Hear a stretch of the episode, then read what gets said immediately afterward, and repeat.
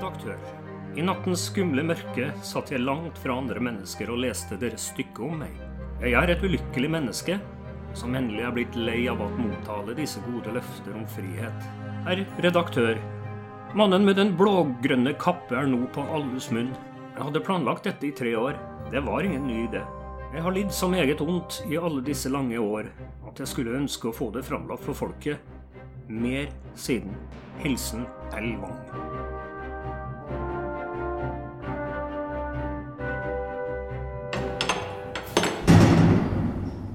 Velkommen inn i celle nummer 11. Jeg heter Kristine Rokkan Eriksen.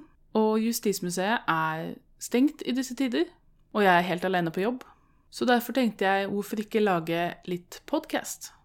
Vårt podkaststudio er, som sikkert mange vet, inne på celle nummer 11 på det gamle kriminalasylet i Trondheim. Denne podkasten blir altså laget våren 2020. Så veldig mange sitter hjemme med hjemmekontor og kan føle seg litt innesperra. Så derfor tenkte jeg å fortelle historien om en ganske uvanlig rømning her fra kriminalasylet. Og nå må ikke lytterne få noen ideer. Dette her er ikke til inspirasjon, men kanskje heller til ettertanke. For uansett hvor trangt og innestengt det føles hvor du er nå, så vet du at vi til slutt slipper ut. Men den garantien hadde ikke Ludvig Wang. Ludvig Severin Olsen Wang har den ikke så hyggelige rekorden av å være den lengstsittende pasienten på kriminalasylet og Reitgjerdet psykiatriske sykehus. Hele 66 år. Totalt tilbrakte han 80 av sitt 90 år lange liv på forskjellige institusjoner. Han både forsøkte og greide å rømme mer enn én gang, men det var én rømning spesifikt som gjorde han norgeskjent. For mens han var på frifot, skrev han en rekke leserbrev til avisene i Trondheim, og ertet til og med politiet som ikke fant han. Dette her er en fascinerende og helt unik historie, kanskje i hele verden. Så la oss se litt på historien til Ludvig Wang og hans liv som den spøkefulle rømlingen. En liten disclaimer før vi setter i gang. All informasjon som legges frem om Ludvig Wang i denne episoden, har vært tidligere publisert i masteroppgaver, avhandlinger og i bøker.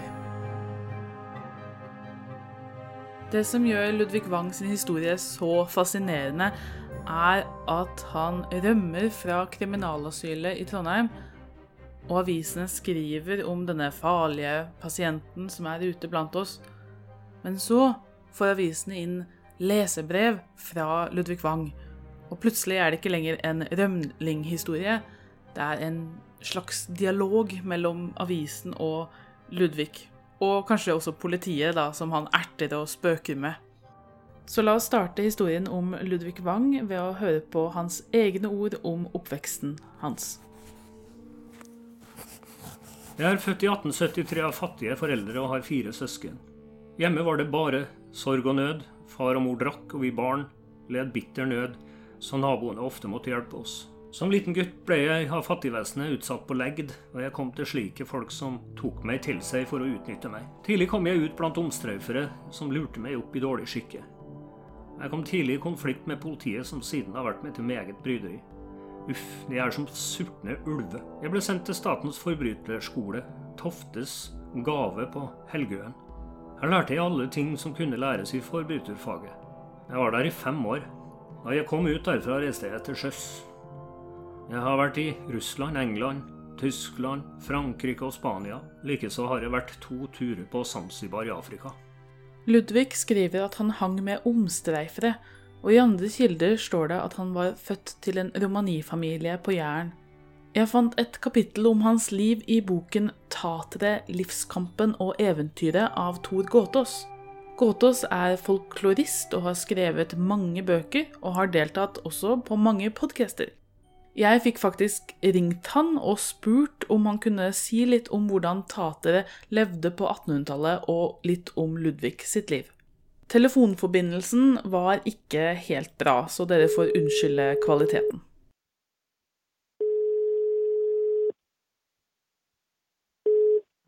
Tor Gotthoff, jeg er folkeimmigrant fra utdannelse og skriver 35 bøker, og bl.a. fire bøker om tatere. Tor Gåtås forklarer at tatere, eller de reisende, var folk uten fast bosted, som reiste rundt enten via land eller langs med kysten. De hadde mange navn, Fant på Sørlandet, Fark i Nord-Norge, Fus i Trøndelag eller Splint på Vestlandet. På 1800-tallet kunne det være vanskelig å være tater. Flere ville tvangsbosette dem, og det var passtvang mellom amtene frem til 1860. Men mange hadde det bra. De reiste om sommeren og solgte det de hadde laget, langs faste ruter. Gåtås konkluderer med at det nok var stor variasjon blant taterne. Jeg spør han om Ludvig Wang sin oppvekst. I nærheten av Stavanger, var det ikke det, rundt 1870 omtrent. Og så vokste opp der en familie som hadde Vi hadde vel et lite hus, og det kunne enten være at de hadde bestemt seg for å kjøpe det eller leie det sjøl. At det blitt noen tvang til å gjøre det, og noen tater fikk seg hus i den tida her. For de var redd for også redd for at, for at de skulle bli fratatt unga, så sikra de seg et hus. Og Der gikk han rundt. Han gikk litt på skolen, han lærte å lese og skrive. og Han levde vel sånn som tater gjorde på den tida, med, med, å handle. og Han dro til sjøs. Han var tidlig ute på sjøs. Og hadde noen år da, før han ble etter hvert da, tatt for drapet. da, Skjøv ei dame bakover som, som slo seg her og, og hadde tatt for drap og ble erklært som sinnssyk. Så. Ok, nå må vi ikke hoppe for langt frem i historien her. La oss ta det litt etter litt. Etter sin tur til sjøs så kommer Ludvig tilbake til Norge og fortsetter livet som omstreifer. Han vandrer fra gård til gård og gjør småarbeid, men blir ikke lenge av gangen. Så en dag ved Gardermoen skjer det som kommer til å endre livet hans fullstendig. Og siden jeg ikke kunne dra til Oslo for å se i saksdokumentene, måtte jeg få tak i noen som hadde lest de. Heldigvis har Fredrik Berg skrevet en masteroppgave om rømninger fra Reitgjerdet. Og han kan ganske mye om nettopp Ludvig Wang-saken. Ja. Fredrik Berg jobber da som rådgiver på videregående skole i Troms og Finnmark.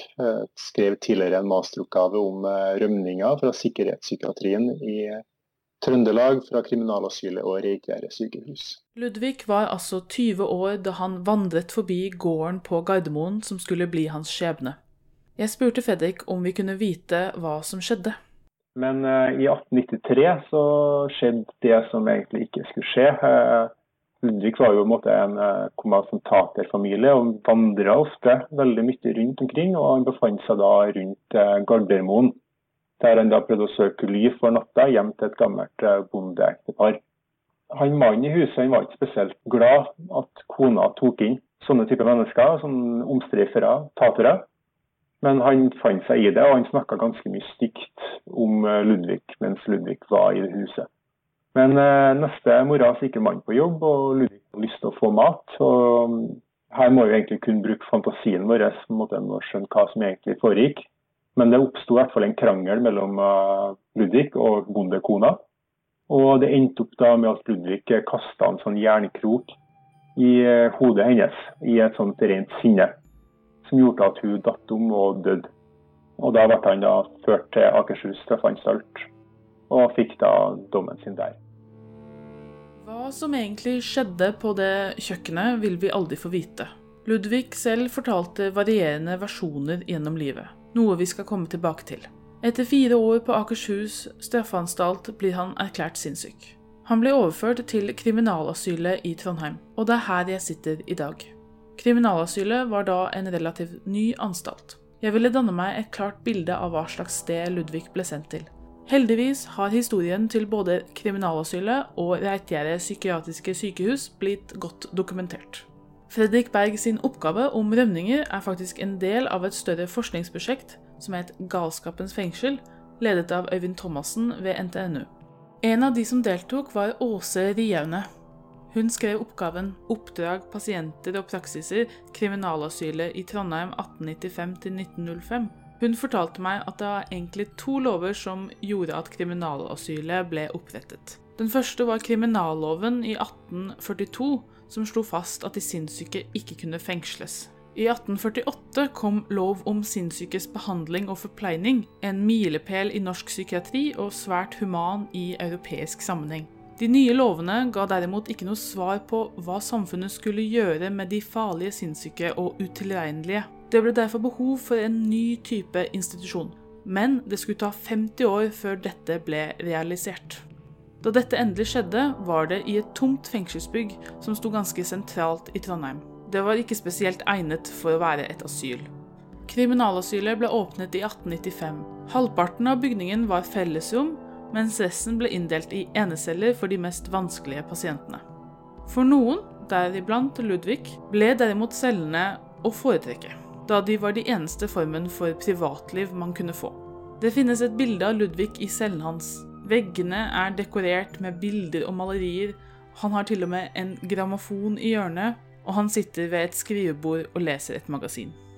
Da Ludvig kom til kriminalasylet, var han lite samarbeidsvillig og litt utagerende.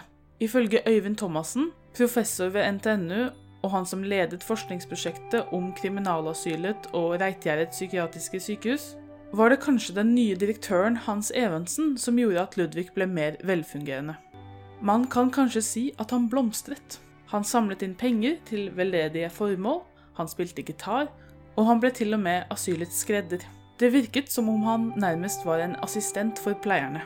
Han var så velfungerende at han etter hvert ble overført til Reitgjerdet psykiatriske sykehus. Reitgjerdet ble opprettet i 1923, da kriminalasylet allerede var fullt. Det var større, det hadde mer landlige omgivelser, og det var derfor regnet som et bedre sted å være. Det var herfra Ludvig gjorde sin første rømning. Jeg må jo spørre om Ludvig er en slags gjestborsen, eller om det er svært lett å rømme fra disse institusjonene. Eh, fra Reitgjerdet, for å skaffe et lite overblikk, da, så var det totalt 291 rømninger fra 1941 til 1981 i den perioden. For å skape et litt sånn bedre bilde på hva egentlig en rømning er for noe, så kan vi se litt på hvordan de her pasientene eh, rømte. Du hadde den typen som, måte, som vi ser for oss i film, den klassiske fengselsrømninga. De som måtte brøyte seg ut fra cella si, sprengt døra, gravd seg ut Måtte stakk av rett fra institusjonen. Så hadde du den som måte der du både stikker av fra byen når du er ute på tur. For det var jo vanlig at man kanskje, hvis man oppførte seg bra, fikk man lov til å dra ut på tur med pleiere for å omgås eh, samfunnet og omgås andre mennesker. Sånn at man en dag skulle bli ja, vant til å ferdes i samfunnet på egen hånd. Så den siste kategorien, de som ikke returnerte etter de har fått innvilga permisjon. Altså de som måtte ha fått kanskje en dagspermisjon eller helgepermisjon, men som en eller annen grunn ikke møtte møtt tilbake i institusjonen. Og de ble også klassifisert som eh, rømninger. Så veldig mange av de rømningene fra Reitgjerdet går inn under den kategori 2 og 3, spesielt av kategori 3, som ikke er returnert etter en sånn permisjon. Han eh, kategoriseres veldig som i denne kategorien nummer to og tre rømning. Han som du sier, han rømte aldri rett fra institusjonen, han brøt aldri opp ei dør. Men han har forsøkt det, det gjorde han. Men klarte aldri. Eh, han rømte da sånt eh, skikkelig i kategori to, der han måtte stakke fra pleieren sin to ganger. ene gangen var i 1924, og da var han Ludvig ja, akkurat blitt runda 50, så han var en ganske voksen mann. en ganske ja, ganske rolig type. Han var godt likt eh, på institusjonen og oppførte seg ganske bra. og Derfor så var han da på Reitgjerdet, der han, eh, det var litt friere og litt mer åpent for ham. Her kunne han jo egentlig ja, hjelpe til litt på institusjonen òg, for at han eh, var egentlig ganske rolig av seg. Og Noen ganger så brukte han jo å hjelpe til etter kveldsmaten med å rydde opp og vaske opp koppene og sånne ting. Og det var da en sånn novemberkveld kaste ut det her eh, skyllevannet etter å ha vaska opp for kveldsmaten, at han og en pleier gikk ut fra riteret og skulle kaste ut matta, men da lurte han seg bak en garasje og stakk av. Og det her er jo litt, må jo se for seg at det er en sånn novemberkveld, og det er jo ganske mørkt. Og det gjorde til at de da pleierne ikke klarte å innhente den med en gang. Han da klarte å skal på rømmen da i hele tre dager. Og nå kommer vi til det som gjør denne historien her så spesiell hvordan avisene skriver om Ludvig, og hvordan Ludvig reagerer på det som blir skrevet om han. Sånn som avisene beskriver de her rømninga, så er det jo at det er en, måte, nok en pasient som har rømt. Eh, Ludvig var ikke så veldig interessant i starten. Det var liksom sånn, merke at avisene begynner å rette en sånn institusjonskritikk her. Eh, men etter hvert så får de opp at han, vært, eh, at han kanskje er litt farlig. For De eh, skriver at han har rømt tidligere, og at han da når han var på rømmen, så drepte han ei gammel kone med en kanonkule etter at han hadde voldtatt henne. Han hadde aldri rømt tidligere. Og han har aldri voldtatt noen, så vidt vi vet. Og det her drapet på den gamle kona, det er jo den opprinnelige kriminelle handlinga han gjorde for at han ble sendt til Akershus straffeanstalt i 1893. Så her merker vi at eh, avisene begynner å få en eh, begynner å publisere ting som ikke vi kan si er fakta. eh, Og hvorfor de publiserer det, kan jo vi spekulere i om at det er for å prøve å selge flere aviser, eller om de har blitt feilinformert. Det er det ganske vanskelig å si. Her er det ganske interessant å få med seg, for det finnes veldig mange historier om hva det er som skjedde på Gardermoen den kvelden eller den dagen der hun, den bondekona ble drept. Og det som er interessant her, er at det er Ludvig sjøl som har skapt de her fleste historiene. Det er ikke avisene eller eh, samfunnet, men det er Ludvig sjøl som har vært rundt og fortalt ulike versjoner av denne saken. Som sagt, Ludvig var en veldig smart mann, en ganske, også en ganske utspekulert mann. Og han var veldig opptatt av eh, hva som kunne vekke, eller hva som kunne gagne han best mulig i sånne samtaler. Så han prøvde å tenke for seg hva var det egentlig lytteren ønska å høre, hva det som ville hjelpe han i samtalen med lytteren. Men eh, det, det som skjer, det skjer. Ludvig blir jo funnet på Jonsvannet og tatt med tilbake. og Da virker det som avisene får litt mer interesse for hvem han egentlig er for noen. For de får informasjon om hobbyene hans og hva han liker å gjøre og hva han driver på med. Så det blir egentlig, en ganske sånn god, gemyttlig stemning der i avisene etter hvert. Eh, Den eh, gemyttlige stemningen den forsvinner jo eh, ganske raskt igjen. For i 1927, eh, så er det at Ludvig hadde rømt første gangen, så ble han sendt tilbake igjen til kriminalasylet som en slags sanksjon på hans første rømning. Siden at kriminalasylet ble sett på som en mer tyngre anstalt, færre pasienter, mindre frihet, så ble han sendt dit som måtte forvise samfunnet at de hadde gjort en sanksjon overfor han. Og i 1927 så var Ludvig da 54 år gammel, og han var igjen som sagt en veldig rolig type. Og de ønska jo måte å pleie han som de gjorde med andre pasienter i tilsvarende situasjon. Ønska at han da skulle venne seg til samfunnet. Og Ludvig var også en veldig religiøs mann. Så han fikk lov til å være med på ulike religiøse møter rundt omkring i Trøndelag. Og det likte han jo Ludvig veldig godt, for da fikk han jo fortelle litt av sin historie, møte da vanlige mennesker. Men det var etter et sånt møte i 1927 at Ludvig eh, rett og slett eh, klarte å lure pleieren sin til å gi ham et, eh, på et lite øyeblikk for seg sjøl, og da stakk han jo av. Og de menneskene som rømte fra institusjonene, de prøvde jo som regel oftest å komme seg til Sverige, for der måtte, kunne de være fri. Eller de stakk hjem i retning der familien sin bodde. Eh, nå hadde ikke Ludvig som spesielt familie igjen, han var en voksen mann og hadde ikke så veldig mye kontakt med familien sin. Så man regna med at egentlig nå hadde Ludvig stukket til Sverige. Ludvig Wang, da 54 år, etter nesten 30 år på institusjoner for kriminelle sinnssyke, var stukket av for andre gang. Følg med i neste episode av Celle 11 for å høre hva som skjer når Arbeideravisen finner brev fra Ludvig i postkassa. Hør hvordan Ludvig tar oppgjør med avisene og hva de skriver om han, og hvordan han erter politiet som leter etter han. Vi høres neste gang fra celle nummer 11. Celle 11 er en podkast produsert av Justismuseet. Ønsker du mer informasjon, gå inn på våre nettsider eller følg Celle 11 på Facebook. Tusen takk til alle de som stilte til intervju på denne podkast-episoden. Fredrik Berg, Åse Riane, Øyvind Thomassen og Tor Gåtås. Takk også til Justismuseets egen Knut Sivertsen i rollen som Ludvig Wang.